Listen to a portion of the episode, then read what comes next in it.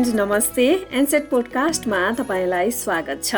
आज हो एनसेट पोडकास्ट सिरिजको पाँचौँ एपिसोड र साथमा छु म पवित्रा।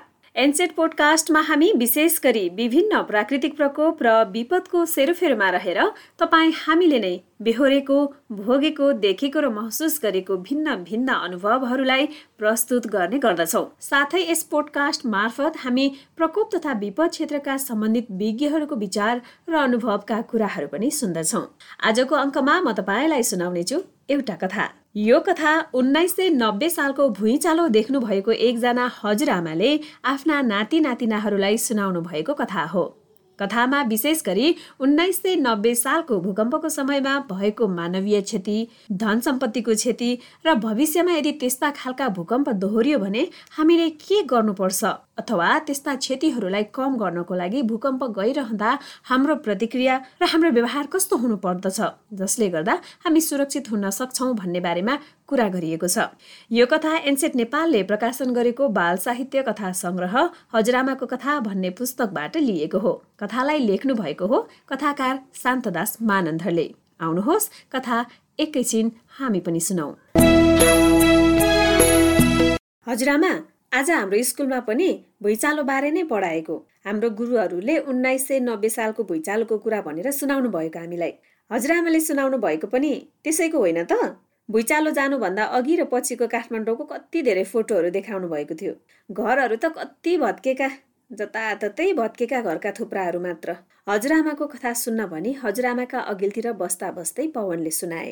अनि अनि नानी भन त स्कुलका गुरुआमाहरूले तिमीहरूलाई अरू के के कुराहरू सुनाउनु भयो हजुरआमाले उत्सुकता देखाउँदै सोध्नुभयो। हामी बसिरहेको यो ठाउँमा नि हजुरआमा उन्नाइस सय नब्बे सालभन्दा पहिले पनि बरोबर डर लाग्दा भुइँचालोहरू गएका थिए अरे झन्डै असी असी वर्षमा त ठुल्ठुला भुइँचालो गएका अरे अनि नि हजुरआमा हामीलाई भुइँचालो गयो भने के के गर्नुपर्छ भने गरेरै सिकाएका थिए।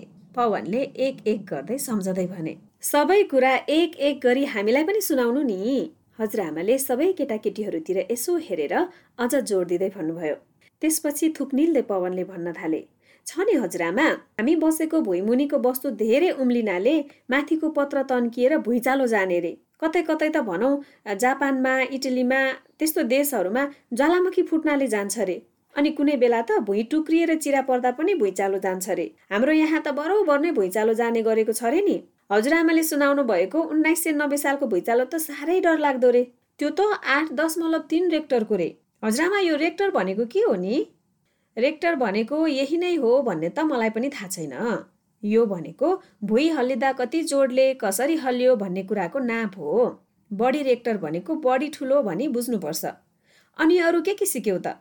हजुरआमाले सोध्नुभयो। त्यसपछि हामीलाई भुइँचालो गयो भने के के गर्नुपर्छ भनेर सिकाइएको थियो। हाम्रा गुरुहरूले भन्नुभएको यहाँ दुई दुई वर्षमा भुइँचालो गइरहन्छ अरे त्यसैले सबैले भुइँचालो गएपछि के के गर्नुपर्छ भन्ने कुरा जान्नुपर्छ अरे पवनले सुनाए। के के सिकाए? हामीलाई पनि सुनाउ न। अनिल र चन्द्रमायाले तुरन्तै सोधे हो त नि लौ सब कुरा राम्ररी सुनाऊ। आज पवनले सुनाएको कथा हामीहरू सबैले ध्यान दिएर सुन्ने हजुरआमाले गम्भीर भएर सबैको अनुहार हेर्दै भन्नुभयो। त्यसपछि पवनले लामो सुस्केर हाल्दै सुनाउन थाले। भुइँचालो जाँदा सुरुमा मानिसहरू अल्मलिन्छन् त्यसपछि डराउँछन् रे। डराएकाहरू त हडबडाइहाल्छन् रे। त्यसो गर्नु भने हुँदैन रे। नहडबडाइकन सुरक्षित ठाउँ खोज्नुपर्छ। हामी स्कुलको भुइँतलामा बसेका छौँ र ढोकानेर छौँ भने बाहिर निस्किएर सुरक्षित ठाउँमा पुग्नु राम्रो हुन्छ। तर बाहिर जाने बित्तिकै सुरक्षित ठाउँ छैन भने बाहिर बरु नजाने स्कुलभित्र नै सुरक्षित ठाउँ खोजेर बस्नुपर्छ अरे हामी माथिल्लो तलाहरूमा छौँ भने त्यही सुरक्षित ठाउँ खोजेर बस्नुपर्छ। भर्याङतिर जाने आत्तिएर झ्यालबाट हाम फाल्ने गर्नु चाहिँ हुँदैन रे। बिचैमा चन्द्रमायाले सोधिन् अनि सुरक्षित ठाउँ भनेको चाहिँ कहाँ नि? घरमा सुरक्षित ठाउँ भनेको घरको बिचको गाह्रो रे। त्यसमा पनि गाह्रोको कुनातिर बस्दा अझ सुरक्षित हुन्छ रे। त्यो हतपत्ती ढल्दैन रे। झ्याल रहेको मोहडाको भित्तातिर सजिलै ढल्न सक्ने हुन्छ रे। त्यसैले भित्री गाह्रोमा टाँसिएर बस्ने अनि माथिबाट कुनै कुरा खसेर टाउकोमा सोझै नलागोस् भनेर टाउको र गर्दनलाई हातले राम्ररी छोपेर जोगाइराख्नुपर्छ रे। कोठामा टेबुल छ भने टेबुल मुनि बसे पनि हुन्छ रे। पवनले यति भन्न के सिद्ध्याएका थिए? अनिलले सोधिहाले पवन दाई हामीहरू भान्सा कोठामा भए के गर्नुपर्छ नि? भान्सा कोठामा छौँ भने हामीले तुरुन्तै आगो बिजुली निभाउनुपर्छ। ग्यास वा स्टोभ बलिएका छन् भने तिनलाई पनि निभाउनुपर्छ अनि सुरक्षित ठाउँ खोजेर बस्नुपर्छ। अनि हामी बाको कोठामा भएको भए चाहिँ के गर्नुपर्छ त?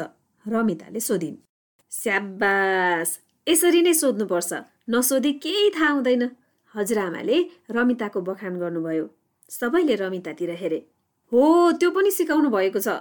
कोठाको बत्ती बलेको छ भने त्यो पनि निभाउनु पर्छ टिभी कम्प्युटर जस्तो कुरो खसेर नफुटुन् भनेर तिनको राम्ररी जतन गर्नुपर्छ। गरौँ कुरा खसेर नलाग्ने ठाउँ खोजेर कोठामा रहँदा कोठाको कुनामा घरको बिचको गाह्रोमा टाँसिएर टाउकोलाई हातले छोपेर जोगिन्ने गरेर बस्नुपर्छ। भुइँचालो रोकेपछि मात्रै त्यहाँबाट सुरक्षित ठाउँ खोजेर बाहिर निस्किने भन्नुभएको थियो। पवनले सब कुरा एक एक गरी सम्झँदै सुनाए।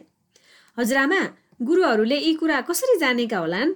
यी सब कुरा किताबमा लेखिएका छन् होला है। तिनै पढेर त होला नि होइन र हजुरआमा? चन्द्रमायाले सोधिन्। सब कुरा किताबमा कहाँ लेखिएका हुन्छन् र? किताब लेख्नेले पनि त लेख्नुभन्दा पहिले नै जान्नु पर्यो नि होइन र? हजुरआमाले आँखा चिम्लाउँदै भन्नुभयो। यस्ता कुरा कसरी जान्ने नि हजुरआमा? पवनले सोधे। अनि हजुरआमाले बिस्तारै सम्झाउन खोज्नुभयो। जान्नु भनेको किताब पढेरै मात्र जानिने होइन। राम्ररी जान्नु भनेको देख्नु सुन्नु भोग्नु र अनुभव गर्नु पनि हो। धेरै धेरै मानिसहरूले धेरै किसिमबाट दुःख पाए। कतिजना पुरिएर मरे कति माथिबाट हाम फाल्दा मरे कति घरका भित्तो लडेर मरे घाइते त कति भए कति। अनि धेरैको त टाउकै फुटेका। यी सब कुरा देखेपछि अझ भोगेपछि के के गर्नु हुँदो रहेनछ र के के गर्नु पर्दो रहेछ भनेर धेरै कुरा थाहा पाएँ नि। हजुरआमाको कुरा सुनिरहेका सबैले सुस्केर हाले र उनीहरूले फेरि पवनतर्फ हेरे।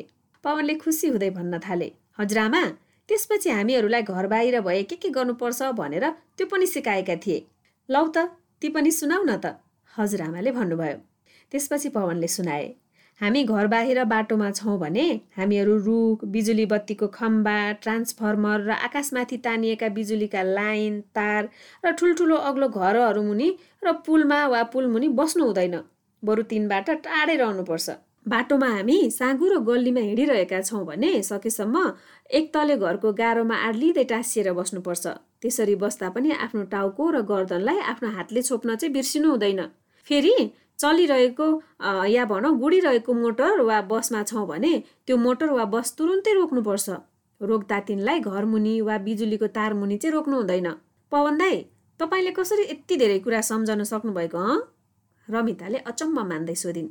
ल मैले त ती सबै कुरा कापीमा टिपेर ल्याएको छु नि। मैले त्यही हेरेर त भनेको हुँ। पवनले तुरुन्तै भने यस्तो कुरा टिपेर ल्याएको धेरै राम्रो। पवनले भनेका सबै कुरा सबैले सधैँ सम्झिराख्नुपर्छ। यस्तो कुरा भोलि सिक्छु भन्नु हुँदैन। सबैले आजै अहिले सिक्नुपर्छ। पवनका कुरा सुनिरहँदा मैले त्यस बेलाका कुरा झलझली देख्न थालेँ। बाबै हाम्रो घर नजिकैका काका भुइँचालो गएको कति दिनसम्म त फेलै पर्नु भएन। कतिजनाले कहाँ कहाँ गएर खोजे। झन्डै एक महिनापछि हाम्रो टोल नजिकैको भत्केको घरको थुप्रो पन्छाउँदा त्यहाँ फेला पर्यो। मानिस हेरेर त के चिनिन्थ्यो र? जिउ सब कुहिसकेको थियो। लुगाफाटा र जुत्ताले चिनियो। बिचैमा अनिलले सोधे भाउजू आमै त हरिनारायणले गर्दा त्यही दिन फेला परेको अनि झिकेको भनेको होइन र हजुरआमा? हो हो भाउजू आमा उसैले गर्दा नै फेला पर्नु भएको हो। दस दिनपछि अर्को एकजना फेला परे भनेको सुन्यौ। उनी त जिउँदै रहेछन्। सबले भन्थे एक दिन मात्र पनि पछि परेको भए नबाँच्ने। किनभने उनी आँखाले नदेख्ने र बोल्न नसक्ने भइसकेका थिए। होसै नभएको।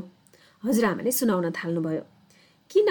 बाँचिरहेको मानिसले पनि आँखा नदेख्ने र बोल्न नसक्ने हुन्छ र हजुरआमा अनिलले सोधे।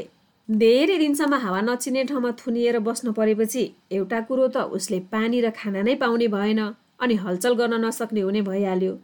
त्यसमा पनि आन्तिएर कराउँदा कराउँदै र सास फेर्दैमा त्यहाँको अक्सिजन पनि चाँडै सकिन्छ।